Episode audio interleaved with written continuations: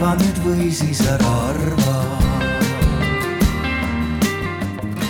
nii, tere õhtut. kõik, kes te veel siia jäite, ma olen veendunud, et te olete väga suured energiafännid, asjatundjad ja, aga kindlasti te olete tarbijad. et minu ettepanek oleks tänast arutelu teha teie kõigiga koos, mitte see, et, et, et meil on üks selline tarkade klubi, kes omavahel arutab. küll me, küll on meil võimalusi, et me omavahel arutame kindlasti olemas, aga, aga tahaks kindlasti teiega arutada. ja, ja mis see sõnum nagu oleks, et me oleme siin eile ja täna kuulnud äh, paljudest energeetika aspektidest, noh, see, et energeetika täna tähtis on ja kõik edasi, see on ja põhjused on kõigile teada. Aga minu sõnum oleks see, et äh, rohkem koostööd. täna on meil karjuvalt elektri tootmise defitsiit ja ei ole meil mõtet rääkida, et, et, et üks või teine liik on parem või halvem, meil on täna vaja igat kilovatt-tundi. toodame seda minu meelest või jalgrattadünamoga, aga, aga tähtis on see, et, et, et seda, seda tootmisvõimekust oleks. Et üks on selline koostöö niisugune noh, üleskutse, teine on siis see, et defitsiiti saab äh, leevendada ju ainult sellega, et meil on tootmisvõimekust äh, rohkem. ja selle tootmisvõimekuse kohta on kindlasti vajalik kõikvõimalikud elektri tootmise viisid, mis, mis täna tehnoloogia võimaldab ja kui eelmises paneelis oli siin juttu tuulest, päikesest, siis, siis äh, selles on üks sõna veel juures, et üks väike tuum ka, kas see tuum on nüüd väike? energia mõistes ma arvan, et energia mõistes kindlasti ei ole väike, aga kütuse mõistes on ta eeldatavasti koguseliselt ja mahult väike. aga enne kui me alustame, mul oleks siis, siis sihuke ettepanek, et äh, eeldatavasti te juba kõiki siin laua taga istuvaid inimesi teate, aga, aga, aga, aga võib-olla, et, et igaüks iseloomustab ennast paari lausega, mis teda nüüd seob selle teemaga ja, ja mis oleks täna tema niisugune põhisõnum. aga alustame, Kalev, sinust. ja tere, minu nimi on Kalev Kallemets, et olen täna Fermi-Energia juhatuse esimees ja ja kaasasutaja, aga muidu ressursiökonomist ja, ja energia, energeetikaökonomist teinud doktori siis põlevkivienergeetikas ja mis see põhisõnum on see, et meil on nagu Arvi ütles, et väga palju energiat vaja ja mina rõhutaks, et meil on vaja nagu süsinikuneutraalset energiat, sest see meie siin suvi on täitsa okei okay olnud, aga Lääne-Euroopas on ikka päris hirmus. ja noh, ma olen täiesti, teadus ütleb seda, et kümne aasta pärast kahekümne aasta pärast ja iga aasta peale seda on veel hullem, läheb veel, veel hullemaks. selle sajandi lõpus saab olema kliimaga ikka täiesti, täiesti kohustav, kohutav globaalne probleem. aitäh, Mihkel, ole hea. tere õhtust, mina olen Mihkel Annus, olen Eesti Taastuvenergia Koja juhataja, keemiatehnika ja, ja energeetika taustaga mm mis mind täna siia toonud on, äh, põhimõtteliselt ega Kalev võttis ka väga-väga mõistlikult selle, selle, selle juba kokku. Äh, miks energeetikud täna räägivad äh, kliimamuutustest, on see, et see on nii-öelda ühe nii-öelda kaks väga-väga lähestikku asuvat osa.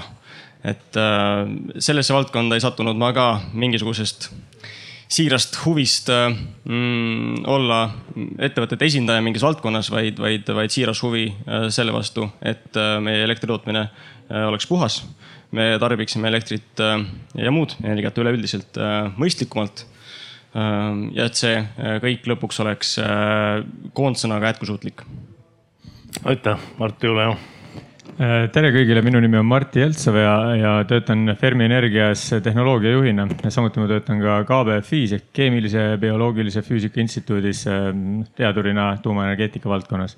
minu taust on, mul on tuumaenergeetika või füüsika doktor äh, Stockholmist, ma olen üksteist aastat seal elanud ja tuumaenergeetikaga kokku puutunud nii akadeemilises kui ka, kui ka tööstuslikus võtmes ja, ja samamoodi ma mõned aastad töötasin ka Põhja-Euroopa suurimas energiaettevõttes Vattenfall turuanalüütikuna ehk siis mitte otseselt tuumaenergia projektide peal, vaid, vaid seal, kus kõik kokku saab, tarbimine, erinevad tootmisliigid, nende tugevused ja, ja nõrkused turu mõistes, keskkonna mõistes.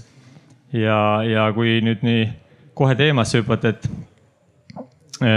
paar fakti ka siia tuua, et, et meil täna, me räägime energeetikast ja, ja kogu maailma energeetikast elekter moodustab kakskümmend protsenti kaheksakümmend protsenti on, ei ole elekter, kaheksakümmend protsenti on millegi põletamine.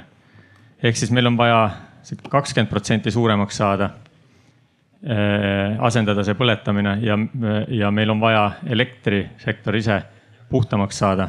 ja, ja selleks meil on, mul on väga hea meel, et me oleme kõik siin koos, nii taastuvenergia, energeetika esindajad, tuumaenergeetika esindajad kui ka riigi esindajad aitäh, Timot, ilmselt kõik te tunnete Timo Totart, aga võib-olla Timo tahab midagi öelda sellist, millest sa kirjutanud veel ei ole ennast avada millegi kandi pealt. oh, ma arvan, et ma nüüd nii kuulus ka ei ole, et äh, igaks juhuks ütlen, et Timo Tatar, äh, MKM-i energeetika ja maavarade asekantsler. nüüd juba pea kolm aastat ja, ja enne seda olen ka olnud MKM-is äh,, nii et kokku, kokku kuskil kümme aastat avalikus sektoris, enne seda siis erinevates energeetikaettevõtetes, ettevõtetes äh, ja ütleme hariduselt olen äh, soojusenergeetik, TTÜ äh, magister ja, ja, ja minu igapäevane töö on tõesti siis äh, energiapoliitika kujundamine, aidata siis äh, Eesti rohepööret ühest otsast ellu viia, teisest otsast tagada varustuskindlus ja loomulikult seda tehes siis äh, mõistliku hinnaga ja tulevikku vaadates. aitäh ja minu nimi on siis Arvi Hamburg, ametlikult pensionär, Eesti Teaduste Akadeemia energeetikakomisjoni esimees ja töö aeg on siis olnud kakskümmend kolm aastat Eesti Energias erinevatel ametitel ja siis kolm korda kümme, esimene kümme on siis äh, tollel ajal Tööstus- ja Energeetikaministeerium alates üheksakümnendast aastast kuni kahe tuhandeni. järgmine kümme oli Eesti Gaasis. ta oli siis äh, rahvusvaheline aktsiaselts ja järgmine ja viimane kümme siis Tallinna Tehnikaülikoolis õppejõu või professorina. et see on siis see niisugune meie taust. aga võib-olla teeme niisuguse esimese teema avamise küsimuse, et äh, veel kord ma kordan, et, et hästi palju on räägitud tuulest ja päikesest ja ka viimane paneel just siin selle, selle teemaga lõppes, et äh, kuidas nüüd me sobitume nüüd veel ühe Eesti jaoks uudse energialiigiga nüüd sellisesse natuke moes olevasse balletti et meie häda on, mina olen nii vana inimene, võin seda rääkida, et meie häda on läbi aegade sõltumatult ühiskondlikust äh, korrast kaasa minna selliste noh, hästi niisuguste moodsate projektidega. et äh, ma olen veendunud, et, et äh, ühtegi energiakandjat ei tohi alahinnata ega, ega täpselt samamoodi midagi üle hinnata, et kõigil on siin päikese all oma koht ja te näete igaüks oma elektriarvesti järgi, et juba suvel, kahe tuhande kahekümne esimese aasta suvel, kui ma nüüd väga mööda ei pane, siis maikuu keskmine hind sada seitsekümmend, juunikuu keskmine hind ei, vabandust, sada viiskümmend oli mais, juunis sada seitsekümmend, juulis juba kakssada mingi viiskümmend kolm vist ja august senini on kolmsada kolmteist, täna on kolmsada seitsekümmend kaheksa. et selliste hindade juures on noh, päris selge, et, et mida rohkem on tootmisvõimsust, turg sellises defitsiidis ju ei saa reguleerida. et milline küsimus võiks olla siis selline, et, et et kuidas sellesse balletti, mida me nüüd või mida me kavandame nüüd tulevikus, on ta siis kümne aasta pärast, ütleme pluss-miinus kümne aasta pärast, kuidas sobiks, sobituks nüüd siia tuumaenergeetika? kes alustaks, Mihkel, sina? jah, ma haarasin kohe mikrofoni. Äh, ma haarasin selle ühe, ühe mõtte peale, äh, mida sa sissejuhatuses äh, tegid ähm, kasutasid sõna nii-öelda moe pärast ma, ma saan aru, et võib-olla äh, mind kui taastuvenergia koja äh, esindajat on, on kutsutud siia mõnes mõttes ka nii-öelda teise, teise vaate äh, esindajana, mis ei ole Rasmuses kirjas minu selja taga esile tõstetud. Ähm, ma mind kriip-, mind jäi kriipima äh, see sõna moe pärast äh, või, või see, et, et me räägime tuuleenergeetikast, äh, päikeseenergeetikast sellepärast, et ta on millegipärast täna, tänapäeval moes. ma arvan, et see ei ole niimoodi. ma arvan, et see on, me räägime selle, seda sellepärast, et need on mingisugused tehnoloogilised lahendused, mida me saame sisuliselt äh, homme äh, kasutusele võtta, lüliti äh, sisse panna. loomulikult sellel on mingisugused äh, nii-öelda äh, tõkked, mida, mida, mida, mida erinevad arendajad peavad äh, erinevate äh, projektide puhul ületama äh,. me rääkisime sellest äh,, ma arvan, et viimased kaks päeva tegelikult siinsamas alal on, on nendest, äh, nendest tõketest ka räägitud. aga sisuliselt äh, on need tehnoloogilised lahendused, mis on täna olemas äh, kümne aasta perspektiivis äh, ka, ka laenan Timo sõnu siin tunni, tunni aja eest. Ähm, et taastuvenergial põhinevad lahendused kümne aasta pärast, äh, nagu koalitsioonilepingus on kirja pandud praegu, äh, peaksid andma samas mahus elektrit Eesti võrku äh, samas suurusjärgus või samas mahus, nagu me tarbime elektrit. et ma arvan, et just sellepärast me nendest lahendustest räägime, kuna neil on võimekus kümne aastaga selline äh, eesmärk äh, saavutada? et ma õiendaks nii palju, et minu väljenduses mood ei tähenda mitte seda, et keegi ütles nüüd ette või, või, või, või, või midagi kavandati. ma, minu jaoks on mood on selline kampaania, et, et, et me ei tohi keskenduda mingile ühele või, või kahele energiaallikale.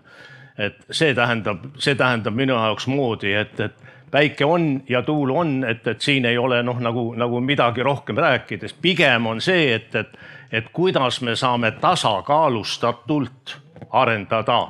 et, et mingisugused sellised noh, ma ei tea, kuidas see parem sõna on, ütleme sellised prioriteetsed suunad, mis on hetkel väga arengufaasis ja väga elujõulised, et, et need ei suruks nüüd maha eelkõige olemasolevaid tehnoloogiaid ja täpselt samamoodi tulevikus muid võimalikke tehnoloogiaid, mis tuleb. et üks on nendest kindlasti tuum, suuremahuline, aga on ka väga palju väikesi, väikesemahulisi taastuvenergeetika võimalusi, noh merelaine energia näiteks Tehnikaülikooli Mereinstituudis on, on, on väga niisugune uurimisobjekt, aga. ma ütlen, et, et meil tihti diskussioonid ja modelleerimised kipuvad nagu äh, vaatama nagu, et äh, oi, et kuidas mingis suur, äh, ideaalmaailmas asjad võiksid olla.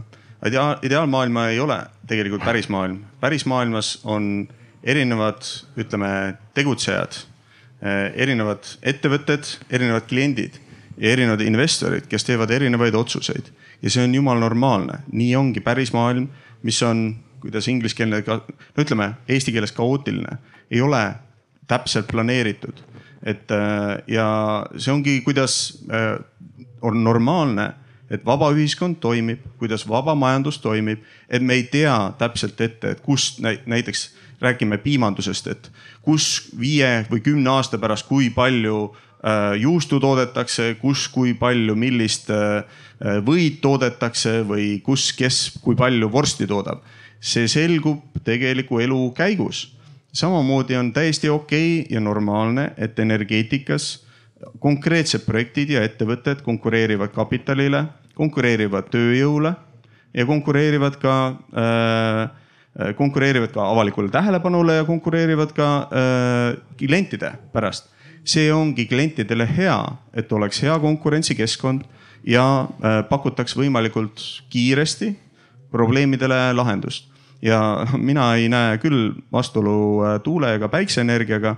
kõik projektid peavad ennast tõestama maksimaalselt professionaalse äh, töö teostamisega. kui mõned projektid, kas planeeringutes või nii edasi, jäävad venima, siis on see konkreetse ettevõtte nagu äh, mingite tööülesannete noh, nigelalt täitmise probleem, mitte niivõrd, et oo, kuidagi üks tehnoloogia on halb või paha. et mina arvan, et see Eesti senine energiapoliitika enam-vähem olnud okei okay.. et äh, paljud tahavad jah, et oleks ette määratud, et vot nii palju seda, nii palju seda, see aasta seda, seda, seda ja kui ei ole, issand jumal et äh, päriselus noh äh, ja reaalses turumajanduses see on normaalne, et on teatud konkurents, on teatud kaootilisus ja me peaksime olema nii küpseks äh, saanud äh, nagu vabas ühiskonnas elamisel ka kolmekümne aasta jooksul. et me saame aru, et see on okei okay,, et meil enam ei olegi plaanimajandus. mingi, mingil määral planeerimine peab olema, see, aga see ei saa olla see, kuidas äh, tootmisvõimsuste otsuseid ja, ja, ja lõplikke öö, otsuseid tehakse. see, see on minu nagu kommentaar mm. -hmm. ruumi kõigile ja, ma prooviks äh, vastata sellele küsimusele, et kuidas tuum siia pilti sobitub, et ma tahaks öelda, et energiavarustuskindlus, äh, äh, see tähendab mitut asja, see tähendab, et elekter on meil olemas või energia on olemas, aga räägime täna elektrist, et esialgu. elekter on meil olemas, elekter on meil olemas igal ajahetkel, siis kui, kui me vajame seda elekter on meil olemas mõistliku hinnaga ja elekter on olemas hea kvaliteediga. kvaliteedi näitajaks elektri puhul on võib-olla ütleme siis võrgusagedus ja võrgusagedus peab olema viiskümmend hertsi ja, ja, ja seda tagatakse sellega, et täpselt nii palju, kui tarvis on, täpselt nii palju ka toodetakse, et seal on targad süsteemid ja targad inimesed, kes seda kontrollivad.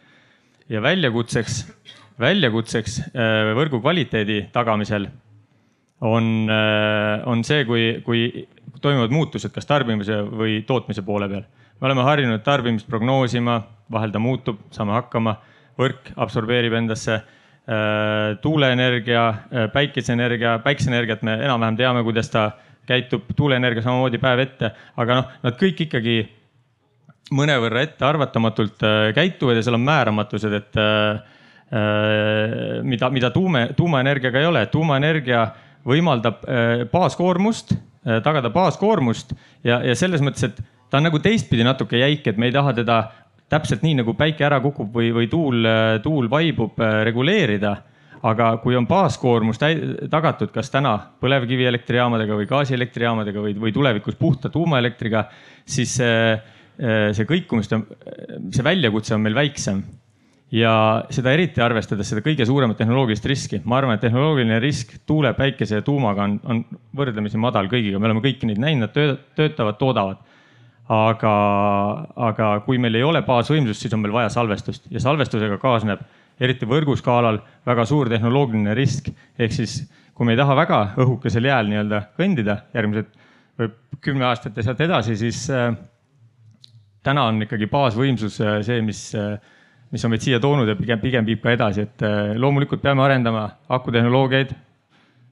loodame, et füüsika ette ei tule, et liitiumioon hakkab äh, rohkem kilovatt-tunde endasse võtma, kui ta seni võtab või veel mõned teised targemad joonid ja, ja samamoodi võrgu juhtimist, aga, aga see ei ole lihtne väljakutse ja võrguhaldurid võivad seda kinnitada. ole hea, Timo. Hmm.. kust alustada, ma, ma olen sinuga väga nõus, et, et siin eeloleva talve või isegi kahe vaat-, valguses meil nagu peamine probleem on varustuskindluse probleem Euroopas me oleme sõjas. selle probleemi ei ole tekitanud meie, aga me oleme loonud noh, oma Euroopa siis tervikuna noh, mõnede võib-olla selliste poliitiliste möödalaskmistega energiapoliitikas noh, sellised eeldused, soodsad eeldused, mida, mida vastik idanaaber praegu suurepäraselt ära kasutab.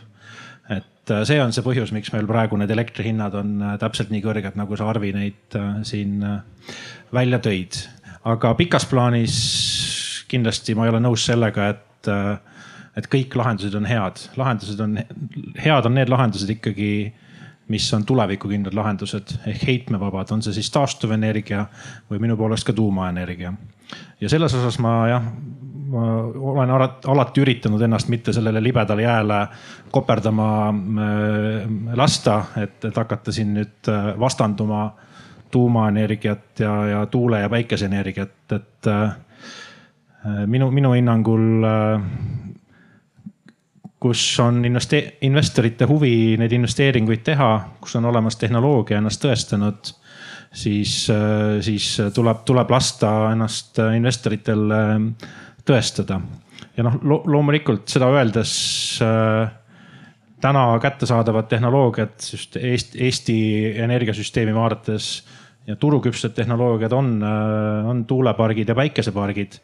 võib-olla natukese aja pärast ka juba salvestus ja võib-olla veel natukese aja pärast ka juba väikesed, äh, väikesed moodulreaktorid, et, et ma arvan, et meil ei ole luksust globaalselt maailmas, Eestis, Euroopas teha selliseid noh valikuid, et meile üks heitmevaba tehnoloogia meeldib rohkem, teine vähem, et noh, tegelikult meil on vaja neid kõiki, et noh, ma ise usun ka seda, et, et maailma või energeetika äh, seda rohepööret ei ole võimalik teha ka ilma tuumaenergiata. lihtsalt küsimus on see, et kas see tuumaenergia peab tingimata asuma Eestis, aga kuskil ta ilmselt siin energiasüsteemis olema peab.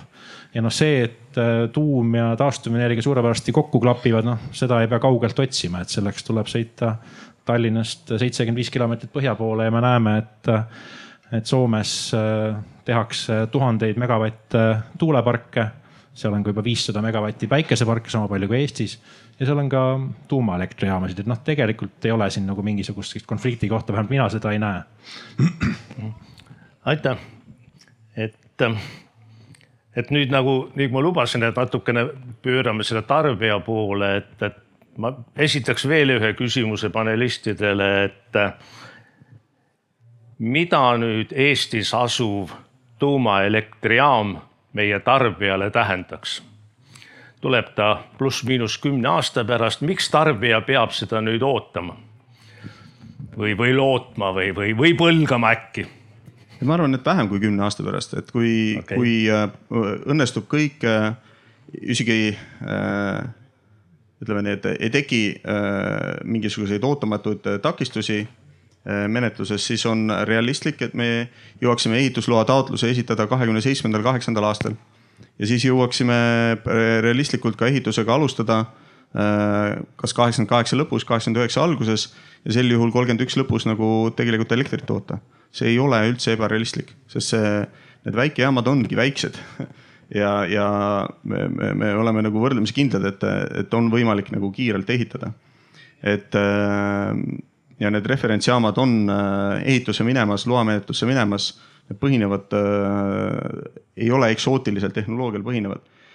et mida nagu kliendile või tarbijale annab, see on väga-väga oluline küsimus.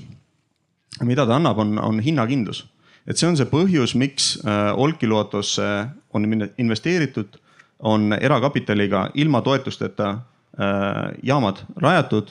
aga nüüd äh, Olkiluotos on see finantseerimismehhanism tugineb sellele, et äh, osanikud panevad sisse osakapitali ja vastavalt enda osalusele saavad siis protsendi toodangust tuhande kuuesaja viiekümnest megavatist. Et meil Eestis selliseid ettevõtteid nagu Stora Enso ja UPM kümme nagu ei ole et äh, see, seetõttu täpselt see mudel, Mankal mudel nagu rakendatav ei ole. aga küll on väga sarnast äh, sisu täitev äh, pikaajaline elektrimüügileping ja tarbija seisukohast meie saame pakkuda fikseeritud hinda. kuna meie tootmine on nagu suhteliselt stabiilne, siis me saame tarbija profiili vastu, ilma et peaksime back-up'i ostma turult, pakkuda suhteliselt oma hinna lähedase hinnaga tähendab, et me sihimegi viiskümmend viis eurot megavatt-tund, viieteist aastast lepingut. kui sul on teine mingi tootmisvõimsus, mis vajab back-up'i, siis sa pead selle back-up'i ostma turult turuhinnaga. ehk et tihti noh äh, lausa pool ajast äh, või rohkemgi ajast ostma back-up'i selleks, et tarbija profiilile vastu tulla. nii et äh, me teame, et seetõttu see ongi see loogika, miks soomlased on tuumaenergiat rajanud miks äh, seda, äh, millest, miks selle äh, Poola tööstusettevõtted on sellest huvitatud ja mitmed teised suured tööstusettevõtted. aga meie teeme seda lihtsalt natukene teistmoodi ja, ja, ja see, see võimaldab tarbijatele ennekõike tööstustarbijatele ja suurtarbijatele, ka omavalitsus ja riik on suhteliselt suured tarbijad, päris märkimisväärset hinnavõitu. aitäh, kas sa Mihkel saaksid öelda nüüd taastuvenergia koja seisukohast, et, et mida sinu arvates või koja arvates ta tarbijatele annaks selline, selline tuuma tootmisvõimsus? kuna me kojas igapäevaselt tuumaenergeetikaga ei tegele siis, siis äh, mul on väga keeruline sellist, sellist ähm, detailset seisukohta kujundada. küll aga tõesti täitsa kannatab kommenteerida. Ähm, ütleme, et loomulikult, mis äh, siin ka juba kõlas, et äh, ütleme, tehnoloogia neutraalne ja, ja, ja konkurentsil põhinev äh, energiasüsteemi või, või, või, või ka elektrituru äh, ülesehitamine kahtlemata ei, ei ole, ma arvan, et sellele, äh, nendele märksõnadele või loogikatele äh, kirjutaksime kõik alla ja võib-olla jäi äh, varasemast sõnavõtust mulje, et, et mina olen esimene inimene, kes kuskile tuumaenergia või tuumajaama ehitusplatsile ennast aheldab, vastu, vastupidi, pigem, pigem ma seda ei ole. et aga ütleme ka, ka mina oma hariduskäigu jooksul mäletan seda, kuidas, kuidas tegin magistri ajal ühe omast arust süvitsi minema sellise väikse, mitte nüüd noh, ütleme analüüsi või uurimustöö, mis kusjuures selle esitlus kattus täpselt Tšernobõli aastapäevaga, aga see oli puhtjuhuslik, see ei olnud, see ei olnud sugugi taotluslik. Aga mis ma, mis ma võib-olla nagu öelda tahan, on see, et tarbijad, ma arvan, peaksid seda võitu nägema varem kui, äh, mis sa mainisid, kaks tuhat kolmkümmend üks et äh, noh, kas ta just kolmkümmend üks on, no ütleme, et meie jaoks võime merepargid äh, välja pakkuda aastal kaks tuhat kakskümmend kaheksa, eks ole. kas need mõlemad, kumbki täituvad? mina ei anna kolm vere, veretilka, võib-olla sina ei taha ka kolm veretilka anda, aga ütleme, see on selline perspektiiv tõesti, mille, mille suunas me liigume. aga äh, mõte on see, et äh, kuna me täna äh, oleme äh, lääne ühiskonnana sõjas, äh, me tunnetame seda tõesti läbi energiahindade kaudu siis ja ka muude tegevuste kaudu. kuidas, kuidas mõni meist kindlasti aitab ka, ka, ka otseselt need sõjamõjud tulevad koju kätte. aga mis ma öelda tahan, on see, et see mure on täna. me peame sellega me peame leidma lahendusi, mis aitab seda muret leevendada võimalikult kiiresti ma ei ütle, et, et kaks tuhat kolmkümmend üks on millegi poolest, ütleme liiga hilja, kahtlemata suured äh, asjad nõuavadki aega. Äh, aga ma näen, et, äh, et tarbija januneb lahenduste järele, mis võimaldavad seda, seda pakkuda piltlikult öeldes homme aitäh, et äh, kindlasti meid kõiki huvitab ju see, et kuidas see talv veel üle elada, aga, aga selleks me eeldatavasti ei ole keegi siin istujatest suuteline, et seda ette öelda. aga Martti, kuidas sina nagu seda, seda tarbija ootust nagu või, või, või millist lootust sa tarbijale annad, sa oled äh, koolitatud, sa oled äh, selle valdkonnas tööl igapäevaselt et kuidas, kuidas sina näed nüüd äh, mitte Rootsi kontekstis, vaid siin Eesti kontekstis? nojah, Nord Pooli turu mõistes, kus me kõik koos oleme, võiks öelda, et see on nagu sama kontekst mõnes mõttes.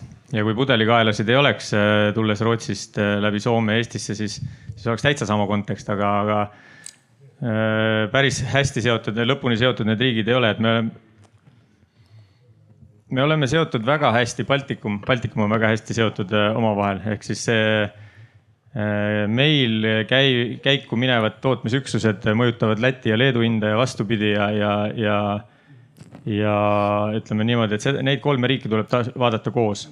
täna on reaalsus see, et äh, kolm riiki, noh, ütleme kolme riigi peale suudavad need kolm riiki kahe riigi tarbimise jagu elektrit toota, ülejäänud on vaja hetkel sisse osta, et äh, esimene sõnum on see, et me ühtegi tootmisliiki nagu tõepoolest, mida iganes on vaja võrku saada, see tuleb võrku saada. sest kui midagi juhtub välisühendustega, kaablitega Soome, äh, Leedust Rootsi, äh, siis, siis läheb meil raskeks. ja loodetavasti need kaablid töötavad pikalt ja kaua ja, ja, aga samas ka need käivad hoolduses ja juhtub avariisid ja tehnoloogia nagu ikka, eks ju. aga äh, kui tuumajaam tuleb turule, siis noh, nagu Kalev ütles väga, see on väga suur äh, tootmismaht, mis tuleb stabiilselt, stabiilse hinnaga.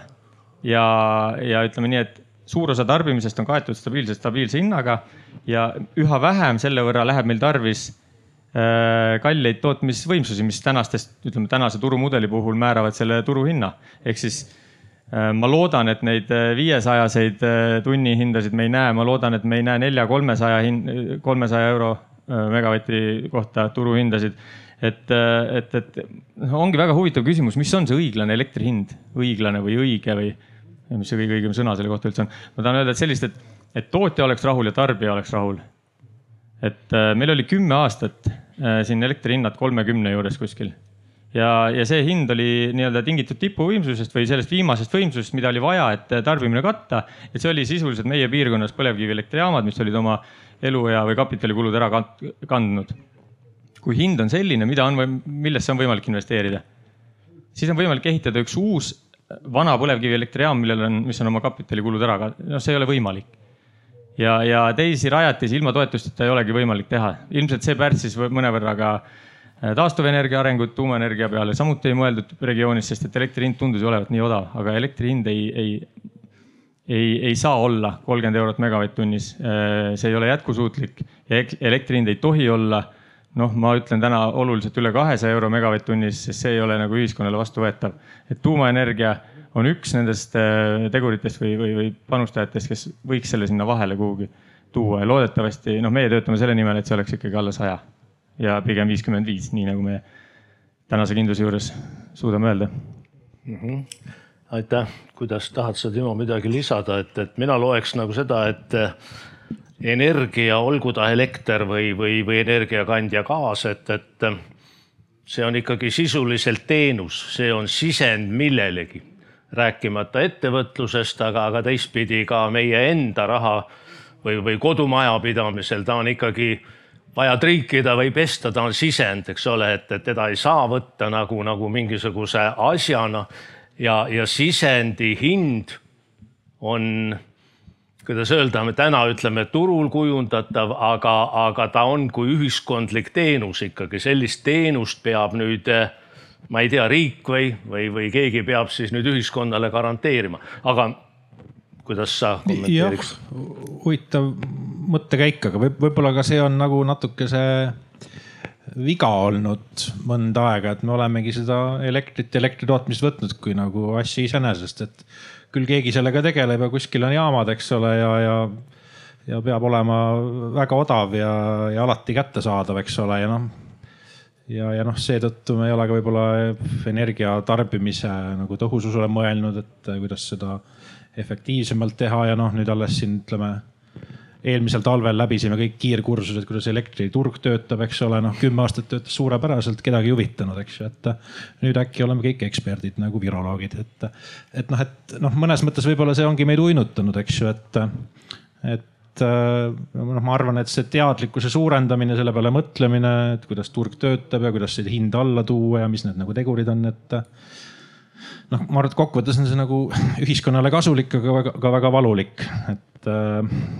ja, ja noh, loomulikult ma olen nõus sellega, et energia hind, see, kus ta täna on, ei ole jätkusuutlik. aga veel kord, praegu on sõda. see ei ole praegu normaalne olukord ja noh, ma nagu igal ajahetkel olen valmis maksma seda elektri hinda, kui, kui tegema neid ohverdusi, mida ukrainlased praegu teevad, et, et ma arvan, et see ongi nagu see, kus, millest me peame aru saama, et, et noh, et et see idanaaber täpselt tahabki praegu ühiskonda lõhetada, lõhestada siin lääne ühiskonda täpselt nende samade tööriistadega, mis tal on, eks ole, ja noh, mida rohkem me räägime sellest ja otsime siin süüdlasi, eks ole, ja teeme näidispoomise, eks ole, noh.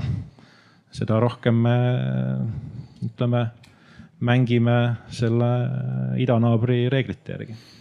et eks läbi ajaloo on peale sõda, peale sõdu majandus kasvanud ja, ja noh, on, on äh, aktiivsemaid perioode ja, ja vähem aktiivsemad, et kui nüüd rääkida sellest tuumaenergeetikast, et äh, Eesti taasiseseisvumis, taasiseseisvumise ajal on see nüüd neljas kord, mis me nüüd oleme kuidas öelda, rohkem või, või intensiivsemalt rääkinud tuumaenergeetikast. üle-eelmisel paneelis ma just ütlesin, et esimene riiklik energeetikakava fikseeris väga selgelt ja väga üheselt tuumajaama vajaduse Eestisse, kaasa arvatud põlevkivi tootmise lõpetamise tänu agregaatide moraalsele ja, ja füüsilisele kulumisele kas keegi tahaks veel nüüd, sa võtsid mikrofoni, tahad midagi täiendada või lähme publiku juurde? ma arvan, et ole. Timo kattis ühe väga olulise teema äh, julgeolekupoliitika või, või sõda ja meie naaber ei muutu. et ma isegi kui ma väga loodan, et, et Ukraina vabastab äh, kõik Ukraina äh, riigi mhm. territooriumi, äh, sealhulgas Krimm ja Donbassi. Sinna läheb palju kuid. aga isegi kui, seda on väga raske ju ette kujutada nagu päris elus, kui ta, millise, mismoodi nagu Vene Föderatsioon seda kaotust alla neelab, et noh, päriselt, et ja kas nad muutuvad peale seda sõbralikuks, ma ei usu.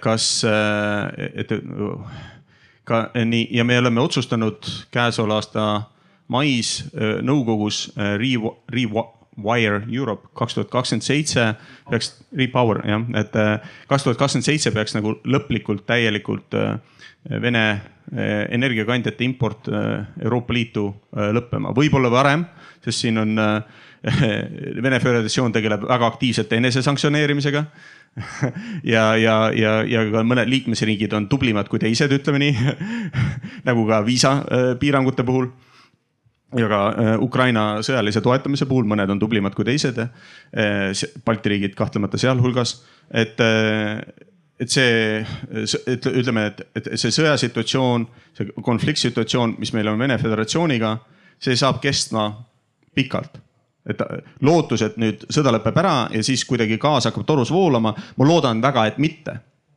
ma loodan väga, et mitte, sellepärast et see on otsene raha nagu vaenlasele, kes jääb meie vaenlaseks, lääne vaenlaseks veel väga pikalt ja sama on naftaga loodan väga mitte, et me ja loodan väga, et, et tõepoolest kaks tuhat kolmkümmend viis lõpeb sisepõlemismootorite müük. loodan väga, et, et dekarboniseerimine tegelikult ka äh, me viime ellu, mis hõlmab ka Äh, küttevaldkonnas nagu väga olulist dekarboniseerimist äh, kogu Euroopa Liidus nii söe kui ka maagaasi osas.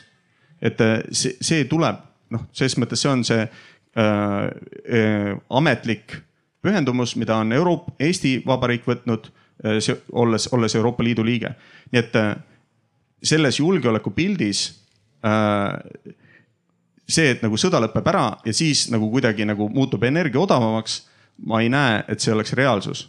pigem on see, et maailma kõige suurem fossiilkütuste eksportija, mida Vene Föderatsioon oli pikalt.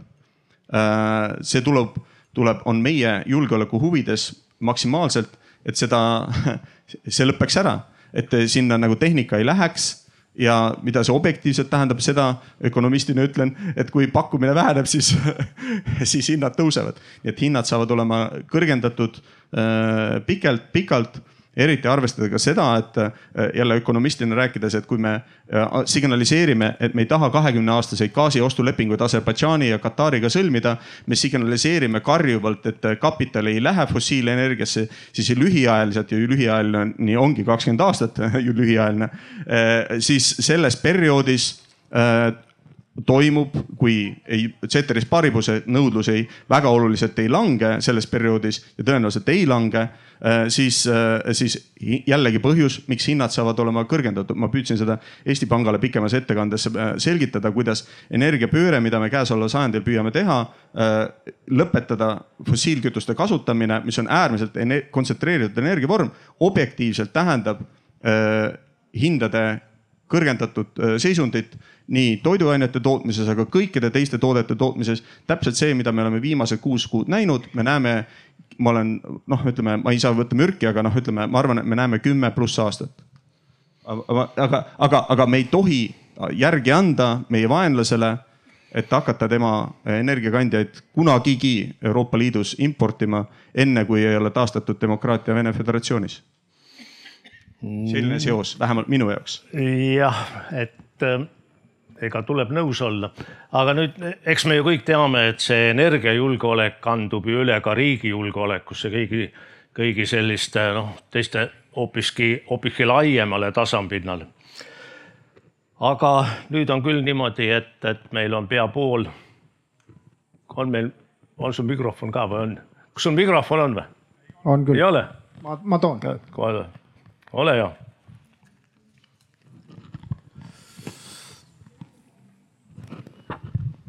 Siin ettekannetes oli ilusti juttu, et äh, Eesti, Läti, Leedu on üks ühine piirkond, noh, kolm vägevat liini, mis meil siit lõuna poole jookseb. ja samal ajal meil elektrit ei jätku, aga ma ei ole mitte üks sõna kuulnud sellest täna siin paneelis, et mida meie lõunapoolsed naabrid siis teevad, et kellega me nii tihedalt integreeritud oleme. tahaks kuulda midagi, tänan. tootmisvõimsusi või? nojah Kes..., nende arendamist jah, väga hea tähelepanek. muide, viimastel aastatel kõige rohkem taastuvenergia investeeringuid ongi läinud Leetu, et Leedus on tuuleparke rajatud massiivselt, neid on Balti riikides ja just Leedus noh, hetkel kõige rohkem. aga noh, me teame, et tuul alati ei puhu ja teatud momentidel on vaja kasutada teisi kütuseid. nii et selles mõttes meie lõunanaabrid ei ole sugugi maganud, eriti mis puudutab Leedut. Läti kipub sellises Balti koostöös alati olema see viimane vagun, kes ütleme, veereb rongi lõpus. et, et ilmselt on seesama tendents ka Lätis uute tootmisvõimsuste rajamise osas. aga noh, kuuld-, kuuldavasti on ka lätlased tõsiselt mõtlemas tuumaenergiale, aga ilmselt seda oskab siin, oskavad siin mõned teised panelistid paremini rääkida, kus nad oma mõtetega on. Mihkel, sa tahtsid? jaa, veidikene oskan kommenteerida, kuigi tõesti, ütleme, võib-olla läheb hoopis mõni, mõnd lätlast või leedukat siia vaja. Aga tean seda, et siis, kui Eestis vahetati koalitsiooni suvel siis leedukad, lätlased mõlemad töötasid palehigis selle nimel, et, et ka selline nii-öelda repower pakett, seadusemuudatuste pakett ka, ka siseriiklikult vastu võtta, mis siis tõesti puudutas planeerimismenetluse nii-öelda kiire, kiirendamist, nii-öelda seda, seda võimaldamist seadusandluses. Ka fantoomliitumiste mure nii-öelda eelduslikku lahendamist või selliste tingimuste kehtestamist, mis ka Eestis kahtlemata peaks, noh seisab ees, ütleme niimoodi. Et ähm, lätlased, leedukad äh, on seda sõja mõju äh, küll otseselt äh,, seda on näha nende seadusandluses et kuidas, kui meie ütleme, äh, see kõlas eile ka ühes, ühes äh, väga asjalikus energeetika debatis. et, äh, et kui meil on üks minister, kes tegeleb siis selle nii-öelda universaalteenuse loomisega mõne, mõne kuuga, siis tegelikult meie lõunanaabrite juures tegelevad mitu ministeeriumi selleks, et luua need tingimused, et ähm, seda perspektiivi, ajalist horisonti äh, uute äh, tootmisüksuste võrku liitmisel tuua tükk maad ettepoole, poole võrra ettepoole, et äh, nelja aasta asemel oleks kaks aastat näiteks. et selles mõttes lõunanaabrid on, on küll tublid ja, ja kiitust jätkub nii Leedule kui, kui Lätile. samas jah, Leedu on nii-öelda pikaajalisemalt panustanud äh, uute tootmisüksuste rajamiseks veidikene etemini.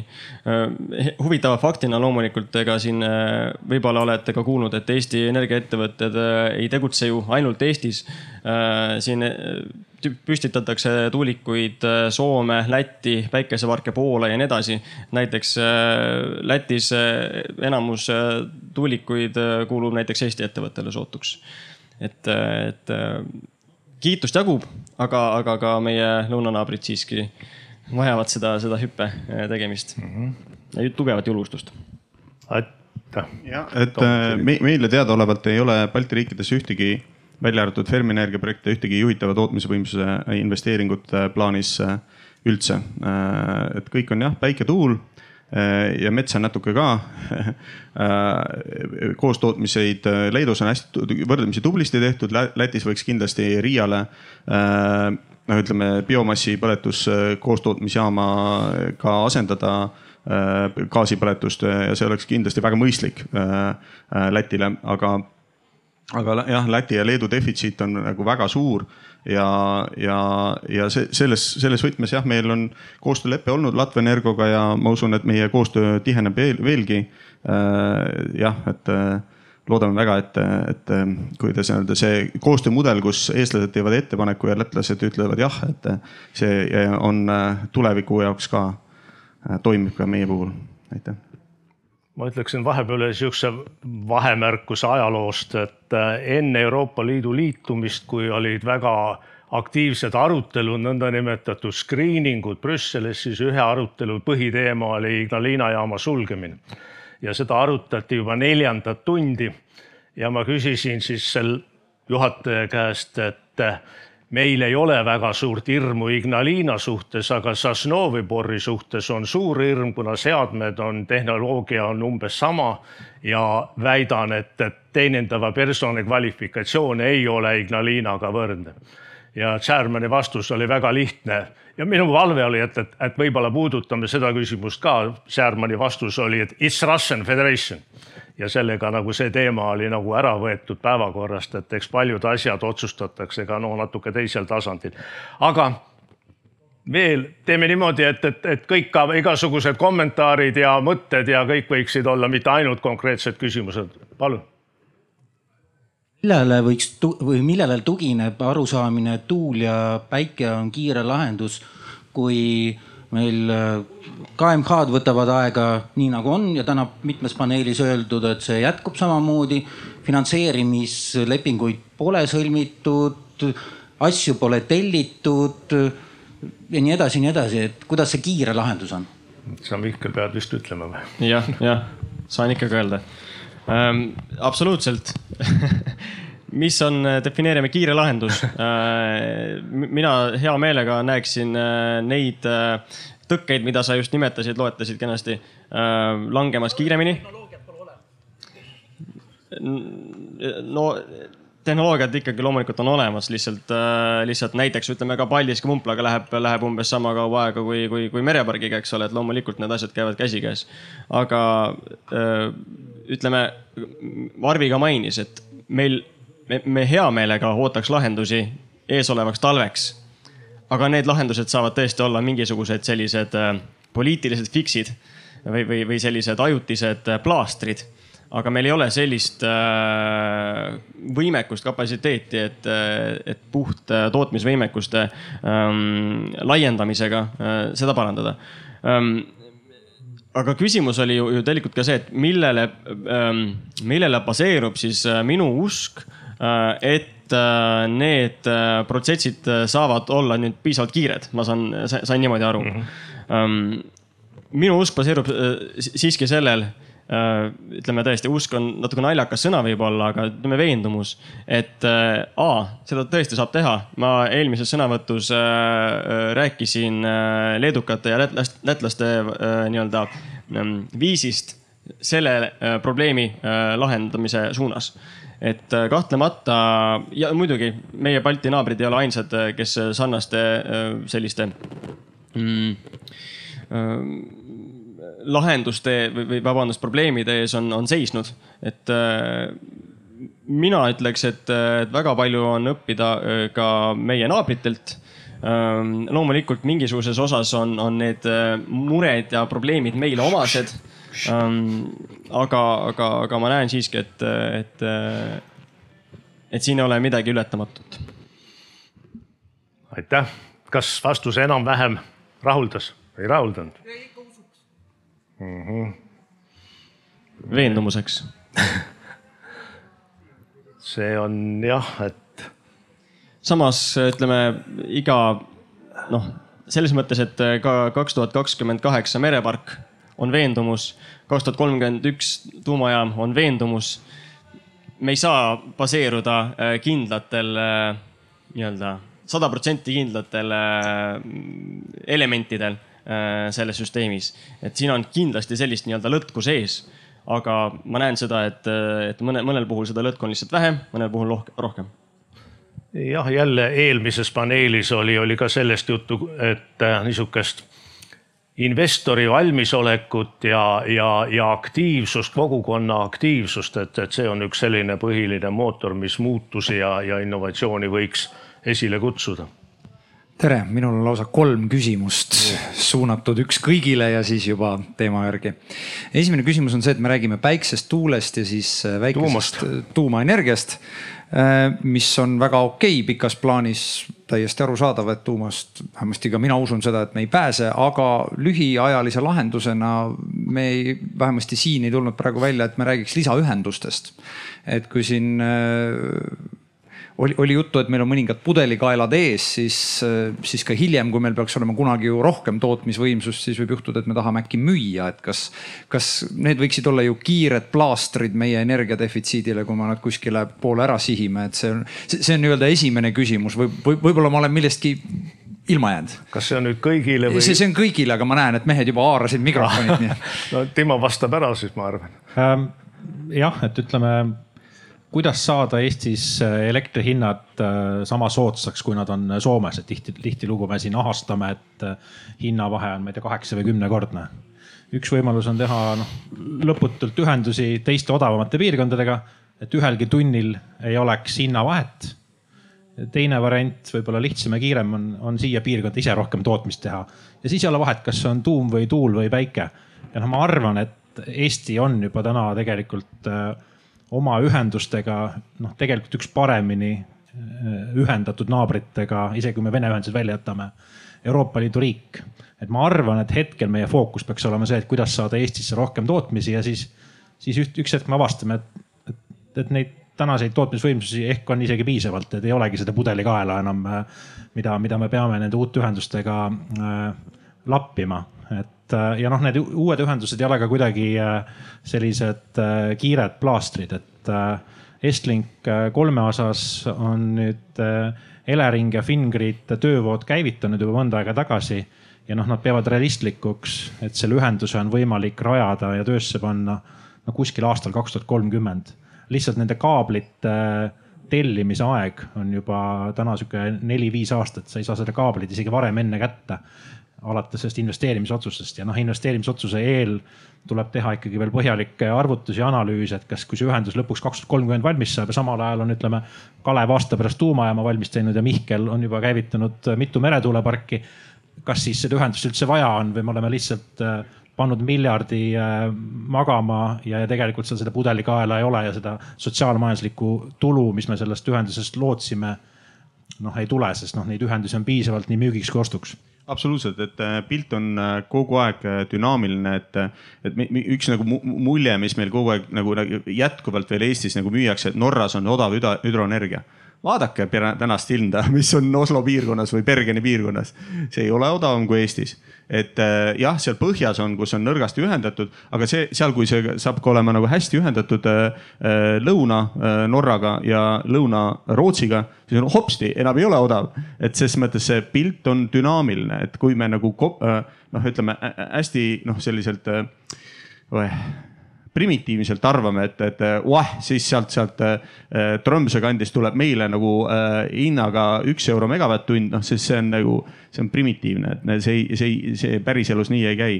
ja mis päriselus on toimumas, on see, et äh, Põhja-Rootsi on sellises mahus patarei ja vesinikupõhiseid metallurgia tootmisvõimsusi rajamas, et mure on täna rootslastel, et neil Norbotten jääb defitsiiti, Norbotten jääb defitsiiti. Äh, see on see kõige SE1 äh, piirkond. Äh, SE1 on kõige ülemine seal Põhja-Rootsi, et see on nagu täiesti noh, ütleme pilt on dünaamiline kindlasti kümne aasta perspektiivis ja dekarboniseerimine see tekitab noh te, te, teistsugused tarbimispildid, kui me oleme kogu aeg harjunud siin Eestis ka taguma endale pähe seda kaheksa teravatt-tundi. see pilt saab olema teine ja nagu kusjuures äh, äh, muutlik saab olema ka selle baaskoormuse maht, et kui meil nagu see aasta oli kõige äh, nagu ütleme äh, siis äh, öine maht oli kuussada viiskümmend, siis see pilt, kui meil on nagu, minul on üks äh, Nissan Leaf või teil kõigil saab olema Nissan Leaf või noh, ütleme midagi paremat, siis, siis, siis öösel on hopsti on tuhat. siis on tuhat see, mis on nagu miinimum, mis on kuuendal juulil vaja nagu iga kell. Nii et äh, see, see pilt nagu on dünaamiline, et see, et me kogu aeg nagu vaatame, et täna on nii ja, ja järelikult me saame noh, ütleme äh, selles mõttes päris jah, dünaamiline.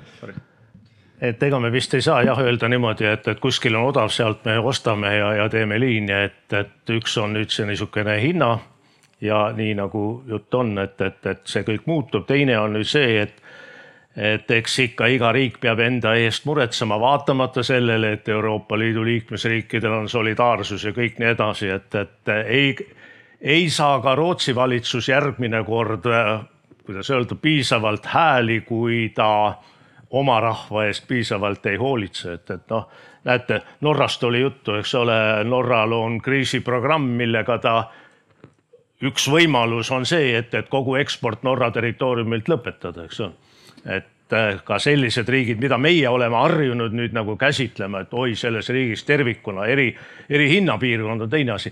aga me püüame nüüd kiiremini vastata, kuna kaks küsimust on veel, eks. ja teine küsimus oli, et kuidas päikese mikrotootmine täna pilti mahutab või kuidas ta üldse mõjutab, sellepärast et ma tean, et täna mikrotootmisel on ees teatavad takistused.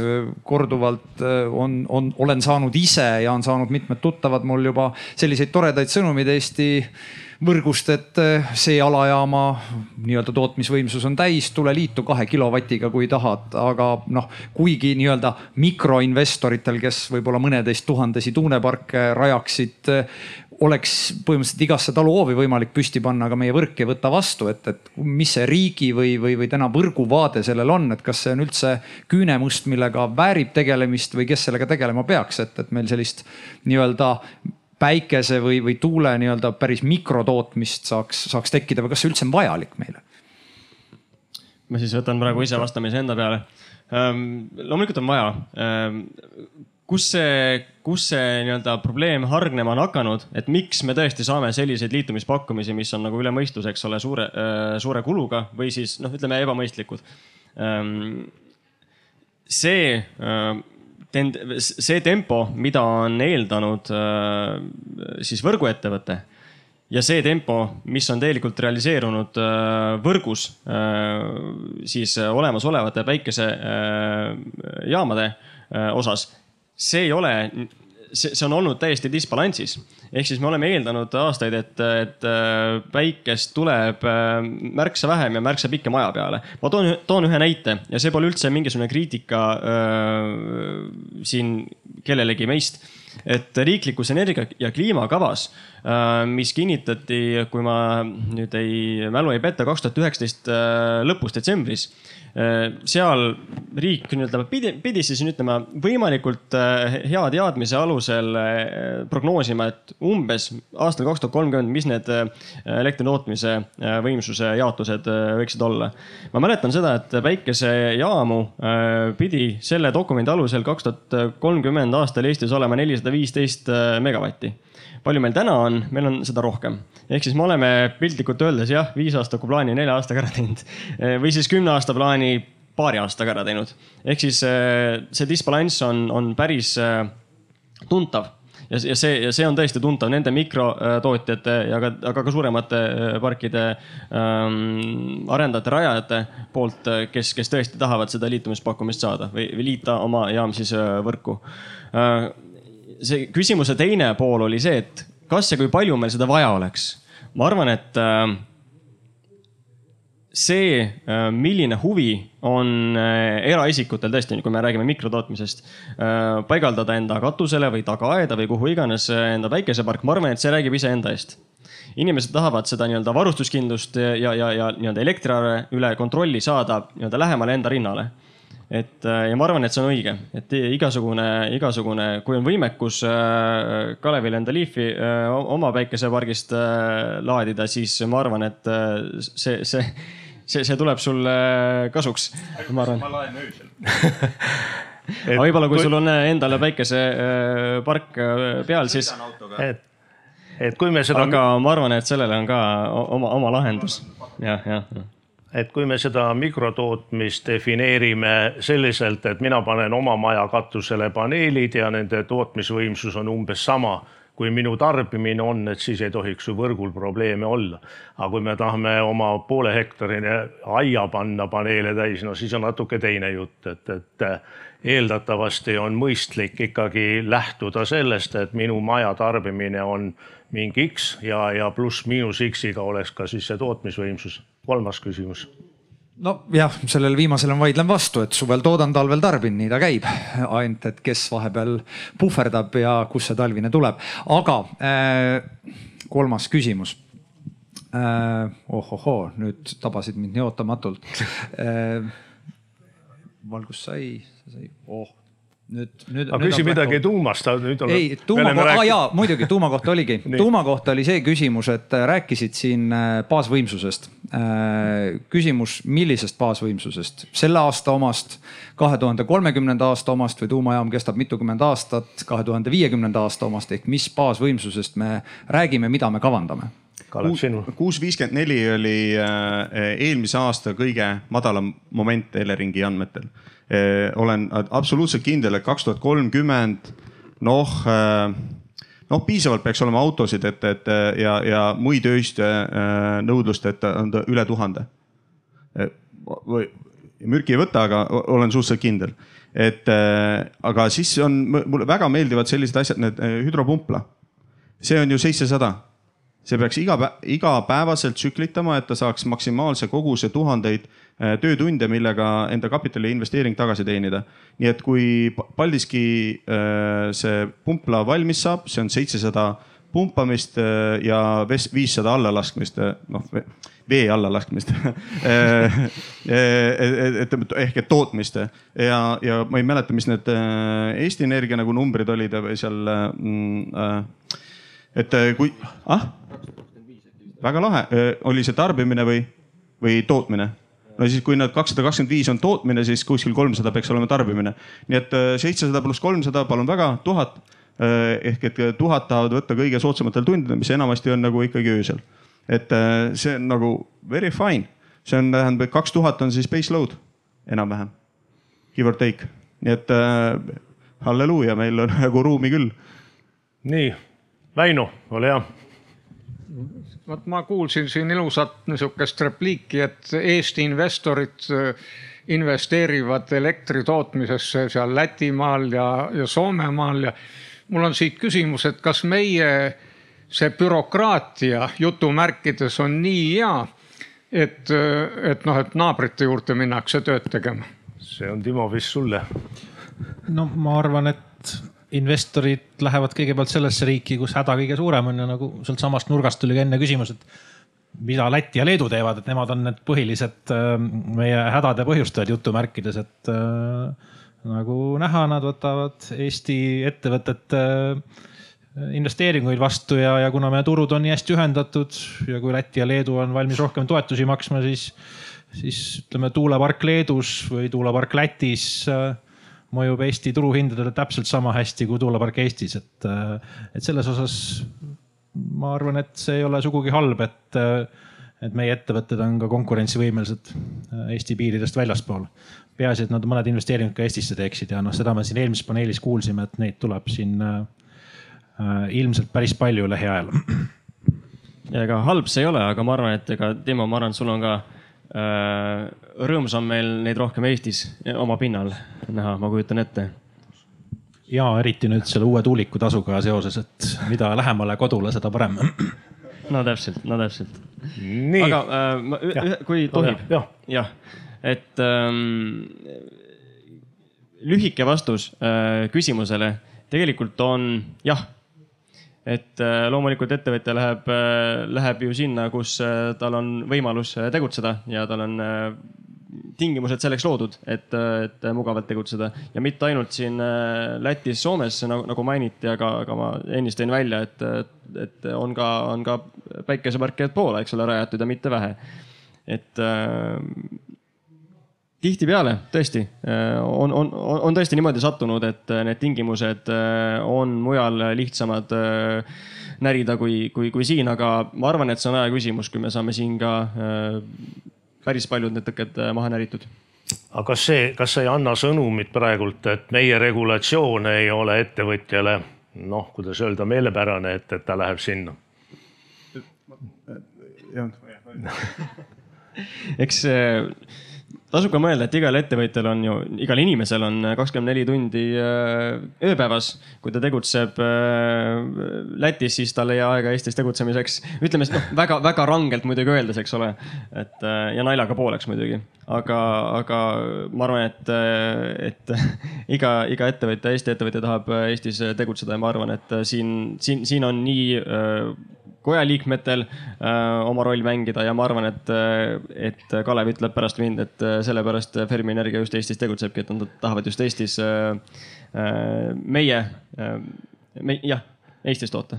aga kas nüüd, Timo, kas Läti-Leedu, ütleme, planeeringute kavandamine ja tegemine on kuidagi lihtsam, kas kuidagi taastuvenergia tasu on suurem või, või noh mille, miks see valik on selle Läti-Leedu suhtes või, või, või, või Soome või ükskõik kelle suhtes, et praegu jääb nagu selline mulje, et, et, et meil on kuidagi kännu taga, aga kuskil mujal tehakse no see, miks meil kännu taga on, sellest ju sai ka siin pikalt räägitud. ja see on, see on. üle kaheksakümne protsendi Eesti territooriumist ei olegi võimalik täna tuuleparke püstitada, noh. kaitseministeerium no, ei luba, enne mm, kahekümne neljandat, kahekümne viiendat ei ole võimalik. Sa, mida me jahume sellest sel,? sellest me oleme palju nagu rääkinud, aga, aga Läti-Leedu on mm -hmm. samamoodi piiririigid, kas me oleme siis nagu noh, kuidagi liiga kartlikud või kas, kas, kas probleem on meis endis? See ah, tähendab ah,, meie oleme valijad ja, ja, ja, ja me oleme sellise regulatsiooni siis nagu noh, kuidas öelda, heaks kiitnud. eks me oleme selline enesepiitsutaja rahvas ka, et ma tihtilugu käin ka Lätis ja Leedus konverentsidel kuulsin, kuulan sealseid ettevõtteid, kes millest mõned, kellest mõned tegutsevad ka Eestis ja siis nad kiidavad jälle, kui lihtne ja hea on Eesti regulatsioon ja toovad seda siis nende nii-öelda Läti ja Leedu äh, minu äh, analoogidele eeskujuks, et vaadake, kuidas, kui hästi meil Eestis läheb, eks ole, et et noh, ma arvan, et eks me nagu võistlev konkurents on äh, kuskil ütleme Lätis või Leedus nuputatakse mingisugune hea lahendus, kuidas mingisuguseid planeeringuid kiiremini saab teha, noh siis me ütleme, kopeerime selle maha, võtame selle endale ja vastupidi, eks ole, et eks ta selline no, sihuke või võistlemine on, eks ole, investeeringute keskkonda, investeerimiskliimade osas, aga noh, jah, võib-olla Eesti ei ole üldiselt äh, tahtnud äh, selliseid äh, Ähm, taastuvenergia investeeringute võidujookse võita, kus nagu äh, võidu, võistlus käib selles, et kes maksab rohkem toetusi, et me, me pigem otsime mm -hmm. täna neid kohti, kus meil nagu regulatsioon tõesti pitsitab, noh, meil oli radari probleem, lahendasime ära meil on äh, kohalike kogukondade mure, noh siin ühte hõbekuuli ei ole, pakkusime tuuliku tasu välja, eks ole, noh. Me pigem otsime nagu neid lahendusi, mis, mis noh töötavad pikaajaliselt ja ei tööta nagu täpselt nii kaua, kui mingisugune toetusskeem kestab või võib-olla on rumal valik, ei tea, võib-olla on tark valik, ei tea. et ma ütlen konkreetse ütled... näitena, et tuumaenergias me oleme suutnud äh, nelja, neli miljonit, mis me oleme Fermienergia, noh, mina olen peamiselt koos Sandoriga kaasanud, et, et sellest veerand on nagu tulnud väljaspoolt Eestit, enamus Eestist. et ja nüüd järgmised laksud tulevad ka, ma arvan, enamus Eestist, olulisel määral ka välismaalt. et toome ka Rootsi ja, ja USA kapitali koju et noh, kuidas öelda, ma, ma arvan, see on, see ei ole minu arust, see ei ole nagu see koht, kus, kuidas öelda, olla jah, nagu Timo ütles, et enesepiitsutajad ütelda, oi, me teeme midagi halvasti, et vastupidi, et mina nagu tajun, et ka isegi diskute-, suheldes soomlaste, rootslastega. et, et kuidas öelda, Eesti tundub ärikeskkonnana või investeerimiskeskkonnana kuidas see kõlab, võib-olla mitteusutavalt, aga tundub avatum. sellepärast, et eh, te, teid üllatab, kuivõrd korporatiivne ja ära jagatud on need nii-öelda jutumärkides vanad valmis ühiskonnad. Need on äärmiselt, äärmiselt korporatiivsed, äärmiselt suletud. seal ei ole mingit noh, ses mõttes, et seal on omad nagu kirjutamata reeglid. Eh, ma ei tea, Timo võib-olla võib, noh, see on, see on selline taju küsimus, et seal keegi võib teha midagi te,, teised ei või seal on mingid omavahelised kokkulepped ja noh, ütleme äh, nii et äh, ses mõttes Eesti ühiskond on ikkagi äh, äh, nagu ütleme, ei ole väga korporatiivne, ei ole väga suletud ühiskond, et äh, mõned asjad, et me oleme kuidagi kindlasti enesekriitilised, me teeme palju asju halvasti, aga on ka head. siin vasakul üks. Nii, aitäh. nüüd on meil veel paarkümmend minutit aega üks, üks hetkel jah. ühesõnaga, siin oli palju küsimusi, mis mul, mul olid üleval ka, aga päris paljud said juba nagu oma vastused ja lahendatud. mul natuke nagu jäi siiski eh, midagi nagu küsida ka veel ja natuke nagu rohujuure tasandil. mõneti on niisugune asi, et eh, jah, me oleme nagu natuke nagu avatud, demokraatlikud, liberaalsed ja samas nagu natuke kanad takus et eh, ja näiteks, kui hakata neid teemapaneele vaatama, mis siin paari päeva jooksul on toimunud, see on ju suurepärane kvoorum, mis siin on siin koos olnud. ja see, neid sisendeid, mida me oleme nüüd siin hankinud, need on suurepärased. nüüd väljunditest võib ka rääkida, mis sellele järgneb, aga ma praegu seda ei küsiks, ma küsiks hoopis sellist asja, et sellest samast energia, eh, elektrienergia hinnast ja selle kujunemisest. rohujuure tasandil tegelikult on siin ka teisi nagu mina isegi. ja me tunneme üksteist päris palju siin osaliselt, osaliselt. et eh, see hinna kujunemine on siiski niivõrd eh, segane omamoodi, et isegi ma nüüd vabandan, Sandor on siin ja ta rääkis alles Vikerraadios, kuidas temalegi tähendab hinna kujunemine ei ole nagu piisavalt läbipaistev ma usun, et ta on siin ja ta vähemalt, ma ei saa lõuga talt. et, et, et see asi on niimoodi, et, et tegelikult eh, me räägime tarka juttu, selge see ja ma ka päris eh, rumalaks ennast ei pea sel alal, aga ma siiski tahaksin öelda seda, et eh, tegelikult rohujuure tasandil, nagu me siin kõik oleme kogunenud, me tahaksime siiski teada selles mõttes, et me oleme rääkinud palju sellest, kuidas see hind siiski nii kohutavalt kõigub. tähendab, see on kuidagi nagu ebaloomulik milline hinna kujunemise protseduur on ja protsess, ütleme, mis see protseduur, et protsess, et, et kuidagi ta on nii kõikuv ja niivõrd aimamatu, etteaimamatu. et kas kuskil on midagi natuke nagu, nagu viltu või?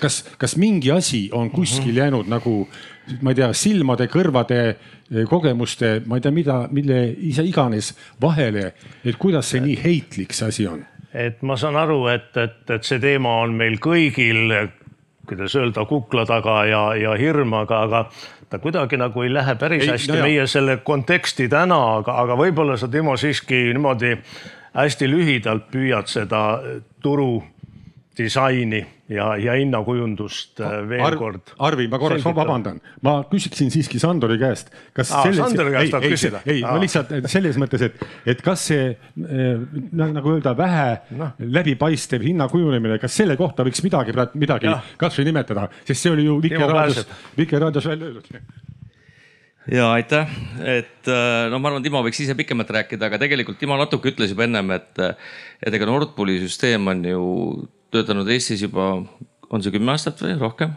ei, rohkem isegi ju. kaks tuhat kolm veel, kaks tuhat kolmteist läksid eratarbijad, eks ole, vabaturule, aga kaks tuhat üheksa või kak-. üheksa läks. ja tegelikult ega, ega turusüsteemi üle keegi pole siiamaani ennem kaevanud, enne kui hinnad üles läksid. ja see süsteem ei ole muudetud, süsteem täpselt sama et, et lihtsalt kuna kõik ei kuula Vikerraadiot, mida härrasmees refereeris, et siis võib-olla hästi, et me ühes inforuumis oleksime, et, et, et ega see Nord Pooli süsteemis ja mis on ka osaliselt vastus, et miks ta niivõrd erinevad need hinnad tulevad. et seal on põhimõtteliselt nagu, nagu see loogika, et see on päev ette turg. ja kõik tootjad teevad pakkumised iga tunni kohta, mis hinnaga ta on valmis müüma, millise koguse elektrit ja siis teiselt poolt ostjad, suured tööstustarbijad ja elektrimüüjad, kes ostavad siis meiesugustele väikestele tarbijatele ka elektri kokku sealt börsi kaudu. teiselt poolt ütlevad, mis hinnaga nemad on valmis ostma, millise koguse. et kes neid graafikuid on vaadanud, siis nõudluskõver, eks ehk ostu on nii, et, et see maksimumhind on juba neli tuhat eurot, enamus ostu on ükskõik mis hinnaga valmis ostma ja see maksimumhind on neli tuhat eurot. ja siis pakkumiskõver on ka selline, et, et, et ta hakkab sealt miinusega peale ja väga suur osa võimsust on valmis pakkuma noh, põhimõtteliselt kas miinushinnaga või väga siis madala hinnaga. aga noh, kes on majandust õppinud, eks ole, et siis kus siis noh, ideaalsel turul, kus see turuhind tekib, on see, kus need noh, nõudlus ja pakkumiskõver kokku saavad. ja nüüd ongi see, et kui meil on tuuline päiksepaisteline ilm ja, ja kõik on kuskil suvitamas ja eriti keegi tarbija juhtub olema veel mingisugune noh, puhkuste aeg ka, siis see hind võibki olla noh. euro, eks ole, megavatt-tunni kohta, võib-olla isegi, ta on isegi miinuses käinud, isegi Eestis on miinuses käinud. ja kui hind on miinus, siis keegi ei, ei, ei kurda, miks see pole noh, nii muutlik on. nüüd küsimus on see, et, et oli see vist selle nädala esmaspäeval, kus jälle oli kuskil seal kaheksasada eurot oli megavatt-tunni kohta hind, eks ju, ehk siis noh, meil sentides kilovatt-tunni kohta, et see on juba, juba kaheksakümmend senti kilovatt-tund, eks ju, paneme käibemaksu otsa üks euro, eks ju, megavatt-tunni äh,, kilovatt-tunni kohta. et ja siis, siis on see, et ups, kus see nii kõrge hind on, eks ju ja noh, mida ma siis seal Vikerraadios ka rääkisin, et, et nii-öelda teisipäeva hommikul, et, et noh, ma vaatan, Nord Pool tegelikult avalikustab päris palju numbreid. ta avalikustab ka väga suure Exceli tabeli. see on küll noh, kogu turu peale kokku agregeeritud, kus on näha noh, sammude kaupa, see on niisugune segane tabel, peab natuke tööd tegema seal, aga seal on võimalik näha, et kuidas siis need noh, nii-öelda, kuidas see elektri pakkumine üles läheb. et noh, kui sa, kui sul on elektrijaam, siis loodaksid näha, et, et noh, tuleb nüüd siin Eesti kaheksas plokk, eks ju, põmm on ju kakssada megavatti või, või teistpidi, eks ole. ja, ja, ja seal tegelikult need sammud on väga väiksed ülesse noh, Mart Jeltsov on töötanud Vattenfallis, eks ju, treidingus, ilmselt ei tohi rääkida midagi, eks ole. aga noh, ilmselgelt on see, et, et, et noh no kui te mõtlete selle peale, kuidas hinnastab ennast mingisugune noh, näiteks äh, hüdrojaam, eks ju, tema muutuvkulu on tegelikult ju noh, põhimõtteliselt on null. või tuulik ja tuulik ütlebki, kui ta näeb, et homme on tuul, siis ta paneb sinna noh nulli või paneb, kui ta on dotatsiooni saab, paneb veel viissada äh, miinus viiskümmend kolm eurot, eks ju, sest viiskümmend kolm koma seitse saab dotatsiooni eurot megavatt-tunni kohta, ta on valmis selle miinusega ära andma. aga probleem ongi see, et selle hinna määrab tegelikult ja noh, ütleme turuloogikas, efektiivse turuloogikas pole mitte midagi seal valet. et, et määrab selle hinna viimane, kes turule pääseb sel konkreetsel tunnil. et kui küsimus on, miks ta nii muutlik ongi, siis sellepärast ongi nii muutlik, et selle hinna määrab viimane turule pääseja. ja ma ütlen, niisuguses ideaalses turus ei ole sealgi probleemi, nüüd küsimus on see, et, et, et kas me võiksime teada äkki, et, et et või kas keegi teab ja kas Nord Pool nüüd ikka kontrollib, et kas see, see nagu see, kes pani nagu esmaspäeval hommikuks selle hinna et kas see nüüd oli nagu siis ikkagi põhjendatud indeks ju. et noh, Nord Pool eeldab, et ta teeb seda marginaalkulude baasil seda kuskil kirjas ei ole, eeldatakse, eeldatakse, et see peaks olema põhjendatud. ei saa näiteks nii, et noh, Narva elektrijaama, ütleme seal sama Auvere jaam kuulus, eks ju, tähendab, et ta, et üheks tunniks pakub oma ploki hinnaks nagu üks päev pakub näiteks, et sada kakskümmend eurot megavatt-tundi ja siis ütleb, et on tuhat viissada eurot megavatt-tundi, et äkki arvab, äkki läheb kalliks, eks ole, siis paneb teise hinna. ta ei saa seda teha, tegelikult ei tohi reeglite järgi, ta peab tegema järjepidevalt. küll võib näiteks, eks ole, noh, Narva elektrijaam ükskõik mis plokkide kaupa tal ongi erinevad hinnad, sest nad erinevad efektiivsused on. vana plokk on muutuvkulu kallim, panebki seal kallima ja, aga ta peab seda püsivalt tegema. et noh, ütleme iseenesest Nord Pooli mudelit süüdistada, et see on nüüd ütleme, et likvideerime ära, eks ole, ma lugesin ka uudiseid siin noh, Keskerakonnas olid valimised, Jaan Toots ütles, et põmm, et noh, lõpetame ära. meie oleme ise netoimport ja meil on ka mingit turumudelit vaja. et noh, selles mõttes turumudelit ei ole mõtet nagu süüdistada. ja, ja ega kui hind on näiteks sada kakskümmend kõigile, siis tegelikult kui see kaheksasada hind oli põhjendatud hind tegelikult, siis see lihtsalt ei pane ennast käima. ja elektrit jääb puudu, et see on tegelikult, mis on alternatiiv ja noh, kohe siin paljud on öelnud, et äkki see polegi tootja, see on üldse tarbimise vähendaja, aga isegi kui see oli tarbimise vähendaja, kes selle hinna pani, siis tegelikult ju odavamat tootjat ei olnud me ei saa ka seda tarbimise vähendajat süüdistada, tähendab. aga sellele küsimusele, kas tarbija vähend-, tarbimise vähendaja saab ka sinna pakkumise kõvera peale, isegi ei oska Nord Pooli Eesti juht vastata, olen teda väga uurinud, tähendab, et, et.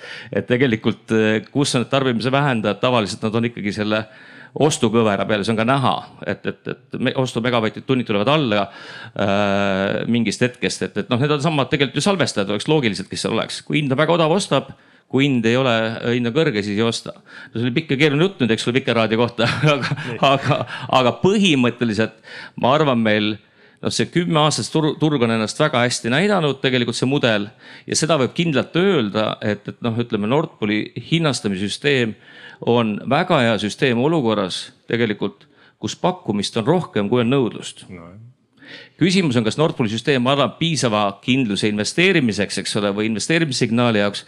ja seda ma olen ka öelnud Arvamusfestivalis, ma olin seal üks kolm aastat tagasi oli, kus Taavi Veskimägi, kes viimasel ajal ei käi äh, avalikel esinemistel väga palju, kus ütles, et kõik räägivad mingist müstilisest investeerimisvajadusest, aga turg ju ei näita seda ja siis ma samamoodi tõusin püsti, küll täna tõsteti mind püsti, aga, aga ütlesin, et, sellises olukorras, kus turg hakkab näitama investeerimisvajadust, siis tegelikult kuna energeetikas on investeerimise horisont või see aeg nii pikk, siis ühiskond ei kannata seda kõrget hinda välja.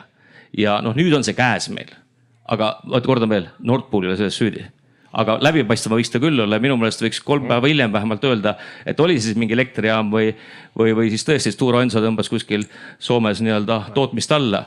aga see oleks küll noh, ütleme süsteemi mõttes täiesti jama näiteks, kui tegelikult see tarbimise vähendaja ostab kuskilt fikshinnaga turuväliselt näiteks ja siis noh, niiviisi hakkab sealt vähendama, siis seda, see juba läheks spekulatsiooni alla, kui ta mõlemal pool on, siis tegelikult see on fine. ja siis ta tegelikult ka ei mõjuta hinda. Nii et noh, pikk jutt lühikeseks, et, et probleem on meil tootmisvõimsuste puudujäägis ja, ja, ja seda probleemi teisiti ei lahenda, kui me investeerime elektri tootmisvõimsustesse. et defitsiidi tingimustes, aga sa tahad veel ühe? et äh, püüa okay., püüa lühike küsimus ja tuleb lühike vastus. tähendab, küsimus oli nii, see on hoopis teine küsimus nüüd. see on see teema, et me rääkisime nendest sisenditest ja väljenditest, me laseme siin auru välja, räägime kõik oma probleemid ära. aga kui me siit ära lähme, kas me saame järgmisel aastal sama targalt kokku jälle või? et tähendab, küsimus on selles, et seda on nii palju kaua aega jahutud, kogu seda asja ja me oleme tegelikult väike riik, meil peaks olema asjad suhteliselt labiilsed ja kiiremad ja reageeringud peaksid olema kajastama ka äh,, säästan ka Timot, pole vaja, võib-olla kui on tahtmist eh, minu selle totrate küsimuste peale vastata, siis võib vastata, aga et see oli see teema, et ma tahtsin teada, et mis nüüd edasi saab siis ka. sa siia vist või kuhu see? Okay. tahad öelda või seda, seda. ma ei, ma ei tea, mis edasi saab, et selles mõttes, et äh, energeetika, ma olen oma elus näinud väga palju energeetikaprognoose ja neil on üks ühine omadus, nad kõik on valed, et selles mõttes, et nagu mul ei ole mingisugust süümepiina öelda, et äh, siin on liiga palju muutujaid siin süsteemis, et öelda, mis edasi saab, et ilmselt varustuskindlus on tagatud mm. -hmm. töötatakse selle nimel, et hinnad oleksid mõistlikud mõned sisendid on äh, meie võimuses, mõned ei ole. Ähm, on ka täna võimalik oma elektri hind äh, fikseerida, tõsi küll, hinnad tunduvad äh, praegu kallid, aga võib-olla detsembris igatseme taga selliseid hinda. ma ise fikseerisin möödunud aasta detsembris, oligi hirmus kallis. praegu vaatan, et pool muidu, et noh, et selles mõttes noh, siin ongi nagu nii palju muutujaid. Lucky you. said veel parema aga no üks asi veel võib-olla, et miks need hinnad praegu nagu nii kõikuvad on ja me kõik nüüd teame, et kohe kui gaasijaam tööle läheb, on hind üleval. noh, need gaasijaamad töötasid paar aastat tagasi ka, keegi ei pannud tähelegi neid, lihtsalt kui praegu läheb gaasijaam tööle, noh, gaas maksab kakssada eurot megavatt-tund, kasutegur viiskümmend prossa, natuke vähem CO2 ka otsa, sul ongi viissada eurot megavatt-tund, seesama muutuvkulu, millest Sandor rääkis. kui seesama jaam läks tööle kaks aastat tagasi, gaas maksis kakskümmend eurot megavatt-tund kasutegur viiskümmend või natukene vähem, CO2 oli ka ütleme viiskümmend, eks ole, ta oli seal kuuskümmend eurot megavatt-tund, keegi ei pannud tähelegi seda, et see jaam tööle läheks. nüüd lihtsalt iga kord, kui need jaamad käivituvad, on äh, hind selline, et me tunneme seda ja, ja Sandor räägib Vikerraadios sellest et meil on, kui sedasi saab, meil on arvamusfestival, et, et me kuulame ära kõik arvamused ja otsustajad on need, kes noh, otsustavad. palun mul on pigem riigile küsimus nüüd või ma isegi ei tea, kellele. ehk no, siis riik. meil on, meil on pikk horisont ja lühike horisont. pikk horisont on see, et meil on tuumajaam ja hind on ilusti viiskümmend viis. ja siis meil on lühike horisont, mille peal me kõik paneme paneele, sellepärast et hind on laes ja siis on sellel asjal majanduslik mõte nüüd see omamoodi sellel Nord Pooli turul tekitab ju dilemma, et äh, kui on teada, et viiskümmend viis tuleb ja minu mis iganes asja tasuvusaeg on lühem kui see tulekuaeg, siis mul ei tasu seda investeeringut ju üldse nii väga mõnusasti teha, et, et, et kas me siin omamoodi endale lõksu ei koo, et, et, et, et mõned päikse või tuulepargi arendajad ühelt poolt kas siis ei investeeri või teiselt poolt näe, teevad kõik endast oleneva, et Fermi Energia kunagi meil siin ühtegi tuumajaama püsti ei paneks et kes alustab? mina, mina ei näe nagu, tähendab minu arust see kogu see konf, nagu konflikti näha, näha tuumaenergia ja päikse ja tuule vahel, see on täiesti kunstlik see on nagu kuidagi mingi Austriast, Saksamaalt, Taanist ja mingitest nendest Lääne-Euroopa nagu nendest äh, pseudorohelistest riikidest nagu imporditud mingi hoiak. see on rumal, jätame selle kõrvale. meil on kõigil vaja dekarboniseerida, kõik transport, tööstus, see on põllumajandus elektri tootmine, see on fookus, jätame kõrvale see kuramise vastandamise. meil on kõike vaja dekarboniseerida. see, ma kordan uuesti, see põud, mida me näeme Prantsusmaal, Saksamaal, Inglismaal, ametlik põud, ei tohi midagi enam kasta. et duši all käimist tuleb piirata. Hispaaniast, Portugalist rääkimata, ulatuslikud tuhanded hektarid metsatulekahjud, tohutud ökosüsteemide kaotused ja ka meredes ja jõgedes see kõik läheb kohutavalt hullemaks sellel kümnendil, järgmisel kümnendil, kümnendil peale seda, peale seda, peale seda järgmine sajand, ülejärgmine sajand, mitte midagi sellesse enam parata ei ole. see on kohutav saab olema, see saab õudne oh. olema ja selles kontekstis nagu ah, et kas siis saab vähem teha päikest või vähem tuult, see on nii idiootne. ei, ei küsimus rumal. oli puhtalt majanduslik. ja, aga äh, Tootsi park praegu on juba hange sees, kakskümmend neli lõpus saab valmis päiksepaneelid hanke või tähendab, et konkurss toimus kindlalt tehakse, teevad austerlased ära, teevad, ma loodan väga, Neinar saab ka oma viiekümnese ära tehtud, onju, äh, Raadil. kindlasti tuleb neid päikseparke viissada veel, kuussada veel, seitsesada veel, tuhat veel äh, meksi, onju. kindlasti meretuulepark, fine ja kõik see läheb nagu hundi kurku sest kui me transporti ja, ja ülejäänud valdkondi dekarboniseerime, see läheb nagu hundi kurku, see ei ole üldse probleem. aga probleem on see, et me suudaksime võimalikult kiirelt teha, kogu see mingi vastandamine, see on idiootlik. ärme ole austerlased, ärme ole sakslased, ärme ole lollid, noh. oota, Kalev, meil on viis minutit aega.